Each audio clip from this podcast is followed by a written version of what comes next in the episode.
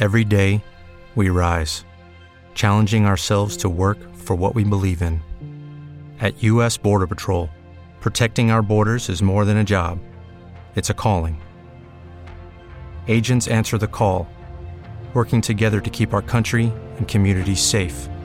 If you're ready for a new mission, join U.S. Border Patrol and go beyond. Learn more at cbp.gov/careers. Du lytter til Top Kvinder, en podcast om og med de skarpeste karrierekvinder, som insisterer på at skabe et arbejdsliv på deres egen måde. Jeg vil vide, hvad de er rundet af, hvem der har puffet dem i hvilke retninger, og hvad der hver dag driver. Goddag. Hej. Jeg er lidt for tidlig. I denne første programrække er jeg taget på opdagelse ind i et fremmed land for mig. Jeg har mødt dem, der udøver en mere subtil magt bag tæppet. Dem, der taler vores sag. Dem, vi lukker ind i de mest indflydelsesrige bestyrelser. Og dem, vi har dyb tillid til, redder vores røv og løser virksomheds- og samfundsproblemer, når det hele brænder på. Advokaterne. Problemet er bare, at tallene er de samme, som vi altid hører. Selvom 65% af de studerende på jurastudiet er kvinder, halvdelen af de advokatfuldmægtige er kvinder, så er det altså kun ca. 15%, der ender som partner. Så, hvordan gør de det, de kvindelige advokater, som lykkes med at forme det fagligt udviklende karriereliv, de drømmer om, måske endda sidde med ved det store runde bord som partner, men som samtidig insisterer på at have et privatliv, der giver mening for dem. Det undersøger jeg i Topkvinder, advokaterne. Mit navn er Sofie Bæk. Velkommen til.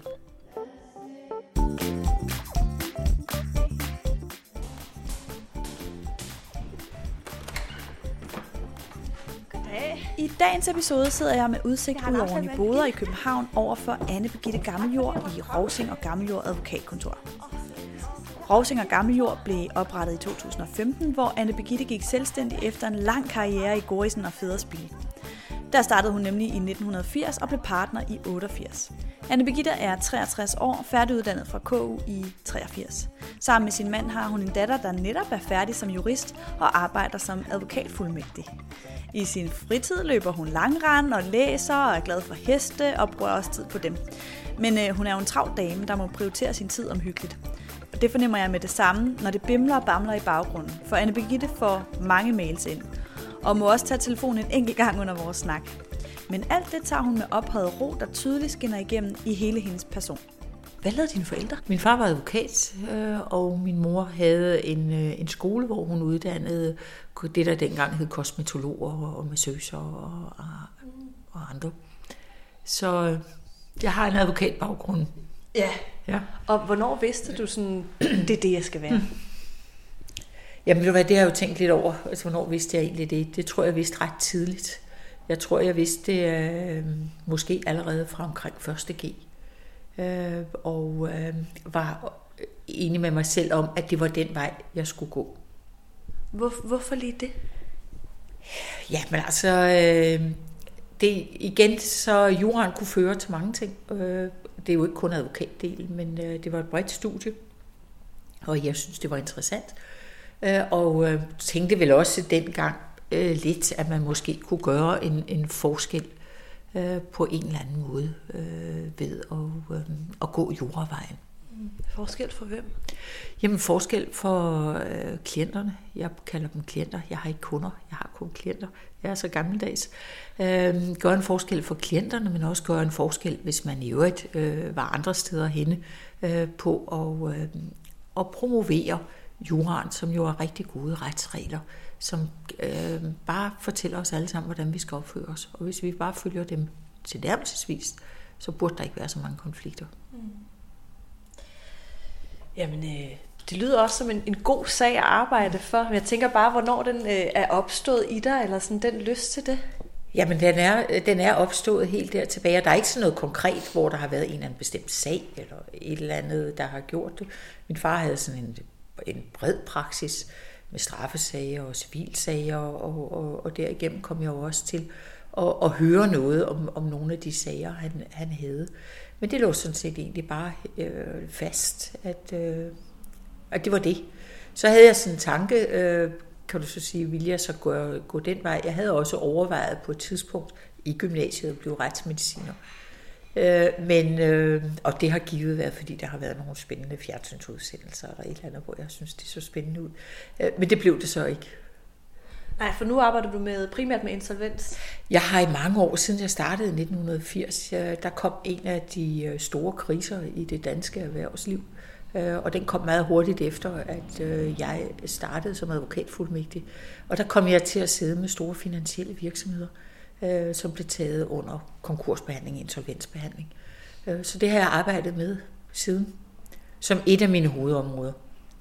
Øh, Men jeg har det, der hedder sådan bred øh, juridisk øh, uddannelse, så jeg har også lavet fast ejendom, jeg har også lavet dødsbobehandling, jeg har lavet ægtefællesskifter, øh, jeg har lavet øh, immaterielret, øh, ansættelsesret, øh, og øh, ja. Og så sidder du jo ud over det i en øh, hulandsmasse bestyrelser. Jeg sidder, øh, ja, en hulandsmasse, det vil jeg ikke sige. det så langt ud på, øh, på mit papir, tænkte jeg, hold op, jeg, jeg har liste. været fagligt engageret. Og det blev jeg faktisk øh, ret tidligt. Mens jeg læste, var jeg på Københavns Retshjælp, og sad også i bestyrelsen øh, der. Da jeg så øh, blev færdig med at, at, at læse, så havde jeg selvfølgelig siddet i nogle små øh, virksomhedsbestyrelser, men så begyndte jeg rimelig hurtigt også at komme i Københavns Advokatforening, som jeg synes er et øh, fantastisk sted. Øh, og komme der får man et rigtig godt øh, netværk og møder både unge og, og ældre kolleger og har det øh, godt sammen, mens man samtidig lærer noget. Så kom jeg i øh, advokatnævnet, og så sad jeg også i regler- tilsynsudvalget, som jo laver reglerne for advokaterne. Og da jeg så forlod nævnet, øh, så kom jeg i øh, advokatrådet. Og i den forbindelse begyndte jeg så at arbejde med det internationale. Mm øh, og øh, endte så med at blive formand for Europas øh, advokater som den første kvinde. Og jeg er stadigvæk engageret i, i det øh, europæiske. Jeg arbejder stadigvæk sammen med CCB, også med advokatrådet derhjemme. Og jeg sidder nu i noget, der hedder European Law Institute også, i deres bestyrelse. Øh, hvad er du ligesom, hvorfor, hvorfor tog du det valg at blive, øh, altså komme med i CCB? S, hedder det? CCB? CCB, ja. CCB, men man siger... CCB, ja. siger man. Okay, øh, og, men hvorfor, hvorfor, øh, hvad, hvad var det, der fik dig til at gå ind i det jamen, arbejde med CCB? har altid haft en repræsentant i, øh, i CCB, som er jo en sammenslutning af de europæiske advokatsamfund. Og så øh, blev jeg spurgt dengang, i øvrigt af Sys Rosing, som jo er af min øh, kollega her på kontoret nu, hun var rådsformand, om jeg kunne tænke mig at påtage mig det værv. Og det synes jeg øh, lød rigtig spændende. Jeg har altid haft en, øh, en interesse for det udenlandske. Øh, og øh, da jeg var færdig som øh, advokat, der kunne jeg egentlig godt have tænkt mig at lægge en engelsk advokatuddannelse øh, ovenpå. Det lykkedes så bare ikke tidsmæssigt. Men så jeg synes, det, var, øh, det faldt helt i tråd med, hvad jeg godt kunne tænke mig at få lov at øh, arbejde også med det udenlandske. Hvad har det givet dig sådan helt konkret? Jamen, udover det har givet mig et ekstremt godt netværk, øh, det har det virkelig, så har det givet mig en udvikling hele tiden at se, at øh, det vi tror er så anderledes andre steder, det er det slet ikke. Det er ligesom vi har det herhjemme. Og det giver også en god øh, ballast øh, til en vurdering af sager for klienter efter dansk ret. Mm. Men der må have været en masse rejseaktivitet. Der har været enormt meget rejseaktivitet. I det år, hvor jeg sad som, øh, som formand for de europæiske advokater, der havde jeg jo kontor også i Bruxelles. Så jeg øh, havde daglige telefonsamtaler kl. Øh, 16 med min generalsekretær, som sad i Bruxelles. Og så havde jeg mange øh, rejser ned, både til Bruxelles, men også til andre interessante øh, lande i Europa. Så jeg har, jeg har set rigtig mange af de lande, som andre måske ikke besøger øh, så tit øh, inden for Europa, og også grænselandene. Hvornår fik du dit første bestyrelses, din første bestyrelsespost? Jamen, kommer an på, hvad du mener som, som bestyrelsespost. Mm. Øh, jeg tror... Jamen, det er fordi, jeg blandt andet tænker på, at du sidder jo som øh, bestyrelsesformand i Augustinusfonden. Ja, det kom jeg, den fik jeg 1. januar 16.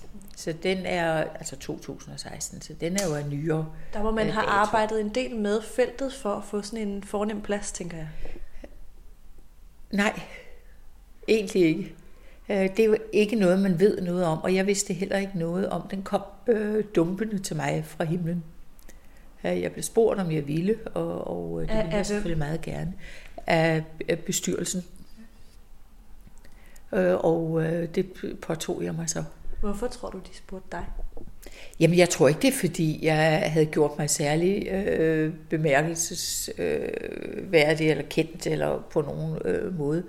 Øh, jeg tror, det var et øh, sammentræf af omstændigheder. Åh, det kunne jeg godt tænke mig at vide lidt mere om. Et sammentræf af omstændigheder. Jamen, tror du ikke, øh, sådan så opfatter jeg det i hvert fald altid selv, at øh, der er der er selvfølgelig en, en indsats øh, af, en, af en vis grad, men så er der jo også en, øh, at man er på det rigtige sted på det rigtige tidspunkt. Hvad var det sted, tror du? Det var bare der, hvor jeg var.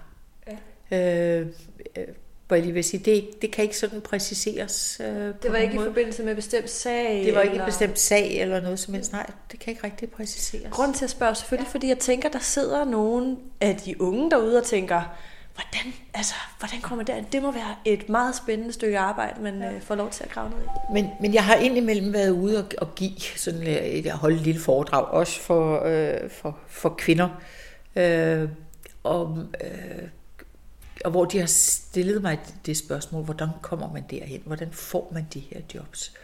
Øh, og jeg har aldrig lagt karriereplaner. Jeg kan slet ikke lide ordet karriere. Jeg har et arbejdsliv, øh, og øh, det er for mig vigtigt. Det skal hænge sammen. Øh, men øh, der er ikke, det er ikke sådan, jeg siger, at der skal jeg være om 5 år, der skal jeg være om 10 år, der skal jeg være om 20 år. Det vil jeg være redselslag ved tanken, øh, hvis, hvis det var tilfældet sådan med de der lange ting. Selvfølgelig har man nogle mål, man, gerne, man sætter sig noget, man gerne vil uddanne sig til. Øh, og jeg tror egentlig, at, at det bare kan siges på samme måde, at øh, jeg har så været på det sted, på det tidspunkt, hvor nogen kiggede øh, sig omkring, øh, og så var det det. Og så måske haft en stærk faglighed. Fagligheden er jo ekstremt vigtig. Ja. Altså man skal være, Men også man skal være tydeligt. faglig. Jeg har haft en profil, kan du sige. Øh, men, men øh, det har så mere været den øh, faglige profil. Det er, det er ikke fordi, jeg har blandet mig på, på anden måde i, i, i dansk erhvervsliv og, og siddet i, i andre store poster. Øh, og havde heller ikke tilrettelagt egentlig en bestyrelseskarriere. Så der har ikke været sådan noget specifikt ønske tidligt om at, at gøre karriere inden for bestyrelsesarbejdet? Nej, slet ikke. Altså i princippet har jeg egentlig, hvis du ser på, øh, altså udover hvis man tager mit, min lange remse på, øh, på Erhvervsstyrelsen, men det er jo fordi, jeg sidder øh, og, som fast medhjælper ved Sørhandelsretten, og derfor bliver sat ind i opløsning af selskaber. Det er ikke fordi, det er nogen, jeg har rørt ved, der alle sammen går konkurs. Der er jo side på side på side. Øh, men øh, jeg valgte i princippet meget tidligt bestyrelsesposter fra. Okay, hvordan kan det være? Øh, Og det gjorde jeg, fordi jeg følte, at øh, meget ofte så er en, øh, altså jeg er sådan lidt øh, holder tilbage, når så nogen har alle de rigtig gode idéer, hvad man jo skal have, øh, øh, og øh, synes, at nu skal man ekspandere, og man skal gøre det ene og det andet. Så kommer jo sådan den der øh, snusfornuftige jurist op og siger, pas nu på, er du nu sikker? Øh, skulle vi ikke hellere, og det der, det lyder for, det lyder for farligt. Øh, og er der nu penge til det? Kan vi nu betale? Og, og øh, hvordan øh, går det? Og det vil sige, at, at jeg, jeg er hele tiden den, der sådan trækker lidt i frakkeskyderne og siger, sæt, os, sæt dig nu ned. Har vi alt på plads? Har vi jorden på plads? Er det i orden, det vi gør? Har du altid været sådan? Sådan har jeg altid været. Også som ung? Ja. Så derfor kan du sige, så, så det, jeg, skal kun fungere, jeg skal fungere i nogle ganske bestemte bestyrelser, ellers så bliver de meget kede af det. Fordi de tænker, åh oh, gud, ikke hvor er hun besværlig. Det, det synes jeg er interessant også i forhold til, øh, hvis man går ind på din LinkedIn-profil, ja. Som jeg selvfølgelig har været inde og grave ja. i, så, øh, så slutter jo så i øh, Gruisen Federspil øh, i 2015. 15. Og der skriver du simpelthen, at øh, den her, det har været utroligt spændende arbejde, men det har også taget næsten al din tid. Ja. Nearly all my time. Ja. Øh, og så siger du, nu tager jeg lige en periode, hvor jeg trækker vejret og finder ud af, hvad der så skal ske. Ja. Men så går der ikke særlig lang tid, så får du banket dit eget på benen Ja. sammen med sys. Ja. Hvordan, øh, hvordan var den øh, afgørelse, den proces for dig? Fordi det må have været intenst, øh, nogle, nogle intense måneder. Jamen, det var det egentlig ikke. Øh, og igen, øh, jeg træffer en beslutning om at, at forlade øh, Gorisen Fæderspil. Øh, sådan, jeg tænker, nu, nu er det nu. Øh, og øh, så forlader jeg dem øh, partnerskabet øh, ved udgangen af, af 14. Så var jeg et øh, ja, 8-9 måneder øh, off-council, og det vil sige, at jeg øh, færdiggjorde en lang række af mine sager, kom der stadig. Øh, og øh, i den tid, og det var så faktisk i løbet af foråret, så kom jeg til at køre forbi ejendommen her, og der stod lokaler til leje. Og så tænkte jeg, gud, det var da et dejligt sted. Øh, så der lejede jeg nogle lokaler. Det vi er i nu. Du tog det hele? Jeg tog det hele. Øh, og lejede det, og tænkte, nå ja, øh, det gør jeg. Og så begyndte jeg sådan i efteråret at trække på min... Øh, jeg fik så en, en god kollega med mig, øh, Lars Christian fra, fra Gårdsen. Øh, og så begyndte jeg sådan at trække på mit netværk til at sige, hvordan får jeg nu øh, etableret med øh, Øh, EDB og kontormøbler og få det hele sådan op og, og, og stå. Og så i løbet af efteråret, så fik vi det øh, op at stå. Og så 1. november, så startede Lars og jeg her øh, med en standerlampe, fordi vi havde ikke fået lamperne op i loftet endnu, og, og de første klienter, øh, der kom ind. Og så havde jeg talt med, øh, med Sys, øh, som jeg har kendt igennem mange år, og så på et tidspunkt øh, hen i 16, så, så derfor startede vi ikke op sammen. Så kom Sys og sagde, at øh, hun egentlig godt kunne tænke sig at forlade Bækbrun, hvor hun var, øh, om der var plads hernede. Og der havde Lars og jeg jo faktisk øh, pænt plads, selvom vi var blevet lidt flere. Hvor mange var I der? Der var vi fem. Ja. Øh, og, øh, og så kom Sys og, og øh, hendes hold øh, ned, og så blev vi lidt trængt. Så hvor mange er I nu? Jamen lige i øjeblikket tror jeg, vi er 15. Jeg er stadigvæk en lille smule nysgerrig på det der med skiftet, hvor du, hvor du stopper efter så mange år for at starte selv. Det må alligevel have været en, en vild beslutning. Hvad nu, hvis det ikke lykkes? Jamen, det gør jo ikke noget. Nej. Nej, altså, det, jeg har, altså på den måde vil jeg ikke være bange for at fejle. Øh, det er jo ligesom, øh, kan du sige, værksætterkulturen. Øh, det, jeg har altid haft den holdning, at som advokat, det er så blevet sværere og sværere, men der kunne man jo bare sætte et skilt op, øh, og så kunne, måtte man jo se, hvad, hvad der skete. Øh, Så, så igen har jeg, jeg har, derfor har jeg aldrig været bange for at den grund at, at, at miste et job. Men det har jeg så heller ikke været udsat for. Men, men du kan sige, det har jeg faktisk aldrig været bange for. Jeg har altid ment, at så kunne man bare finde noget andet. Men set udefra, tænker jeg, at det er en stor beslutning. Både, øh, det, det må ikke være de billigste lokaler i verden, det her, tænker jeg. Og du har ikke præcis vidst, hvad for nogle kunder du kunne få ind i folden. Øh, der må have været mange usikkerheder. Eller tænkte du det slet ikke så? Nej, sådan tænker jeg ikke. Jeg er slet ikke... Øh, altså, jeg tænker selvfølgelig økonomi, for det er jo et af de specialer, øh, jeg har. Øh, men men øh, jeg er ikke styret af et budget. Nu må man jo så også sige, at jeg har en, en, en, en vis anciennitet, en vis alder, og, og øh, jeg havde også økonomisk mulighed for at gøre det, og satse nogle af mine egne penge på, på så det. Så du havde en opsparing? Jeg havde en opsparing, jeg kunne bruge til det, ja. Øh, og, øh, så, og, og det havde jeg så heller ikke noget mod at gøre. Så hvis man skulle gøre det i dag, hvis du skulle opfordre nogle af de lidt yngre til at gøre det, som måske har været inde i en, i en et klassisk, traditionelt øh, øh, advokatfirma i nogle mm. år, og tænker, nej, jeg, jeg kan bedre se, at det hænger sammen med at være selvstændig, eller starte noget fra bunden, fordi der også er et privatliv, der skal gå op måske, eller nogle andre overvejelser. Hvad skal der til? Altså jeg synes, jeg, jeg tror, det er svært at sige, at man, skal, at man skal starte op selv, hvis man gerne vil have privatlivet til at hænge sammen. Det, de to ting øh, er selvmodsigende. Øh, men, men hvis man øh, er, altså, godt kan tænke sig at være selvstændig, og tør være selvstændig, øh, så synes jeg helt sikkert, at man skal gøre det. Øh, ikke nødvendigvis øh, som advokat fra de helt unge år, fordi man er nødt til at have noget ballast, og det vil sige, at man skal have noget erfaring. Øh, man skal have set forskellige sagstyper, og, og ligesom have noget, man kan trække på af en, af en viden, som man jo ikke kan læse sig til. Vi har jo nogle spilleregler, og, og dem, skal man jo dem skal man kunne.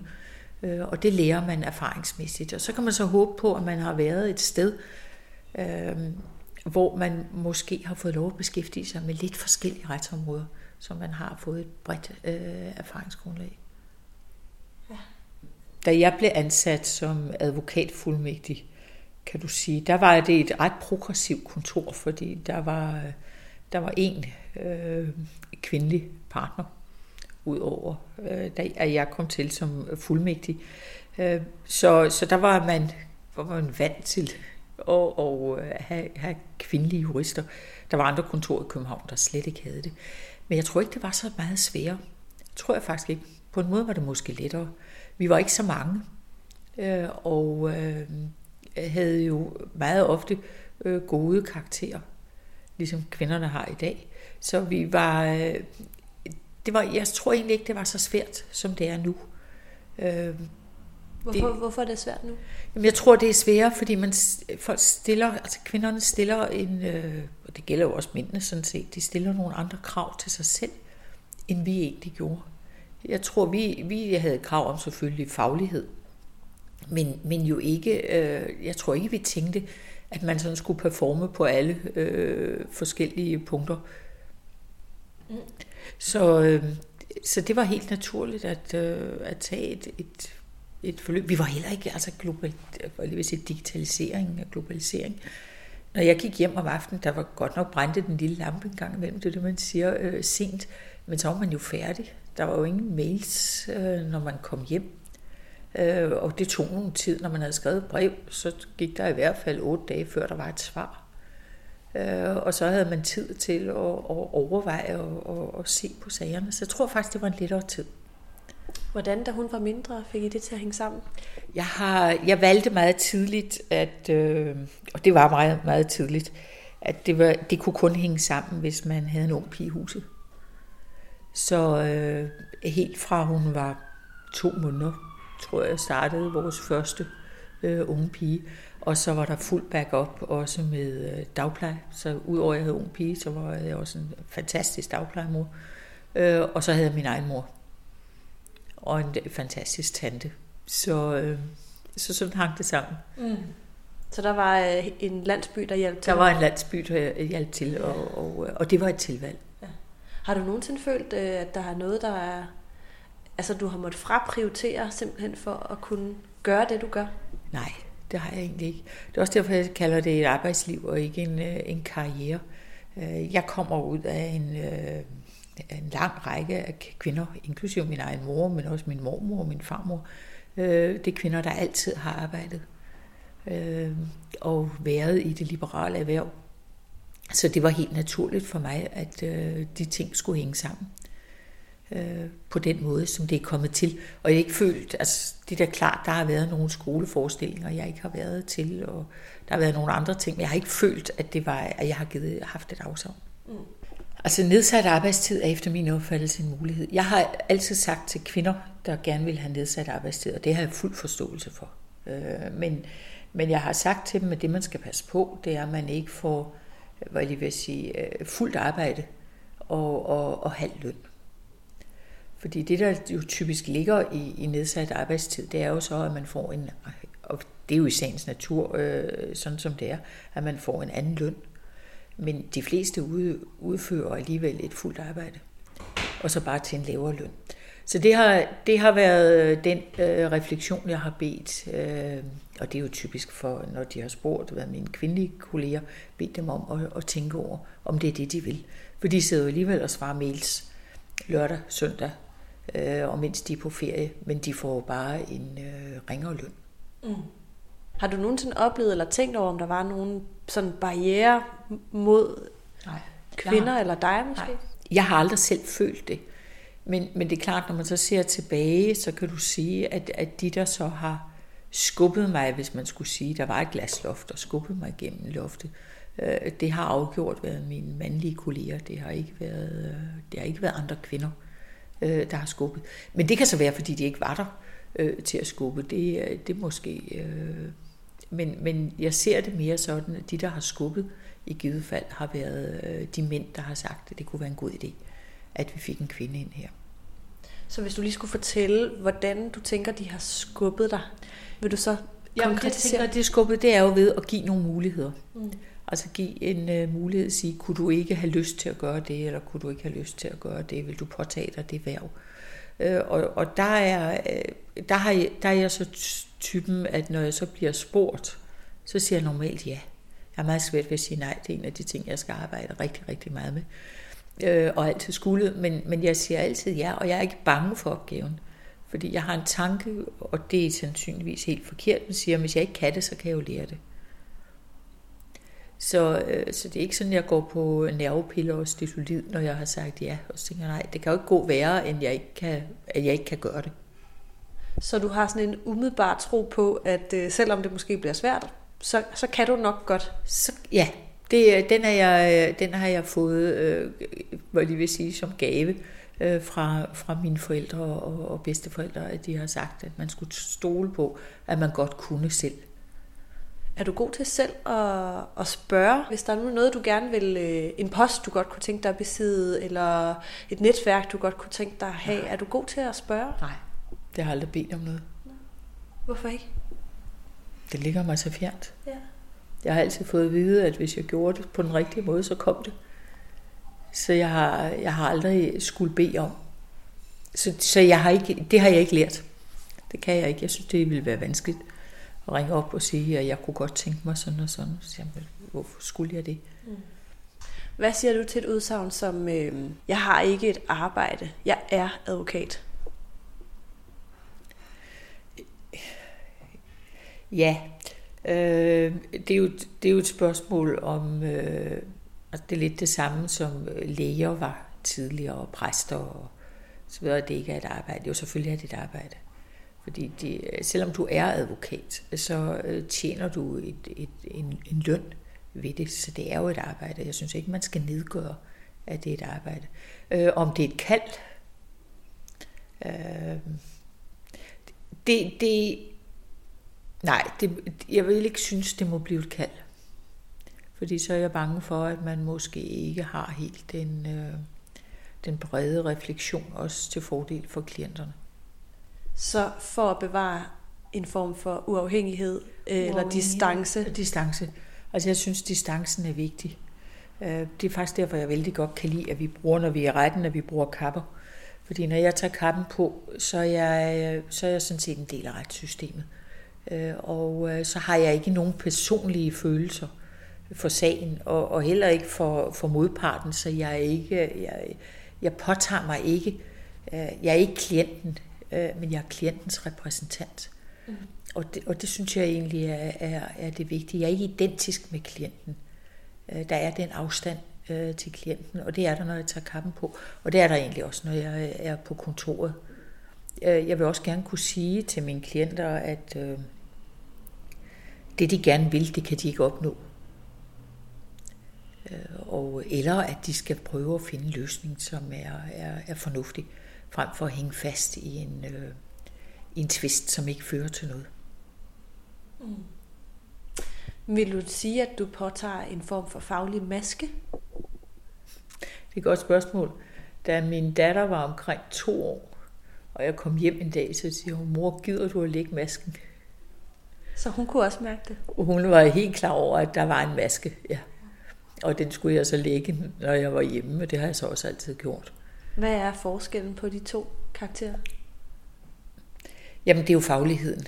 Øh, det, det er afstanden, som du siger, og det er, at du, øh, at, at du kan bære en, en række af, af klienternes byrder, for hvad man gerne gør.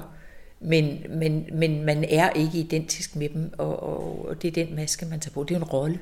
Det er jo egentlig det samme som at være skuespiller.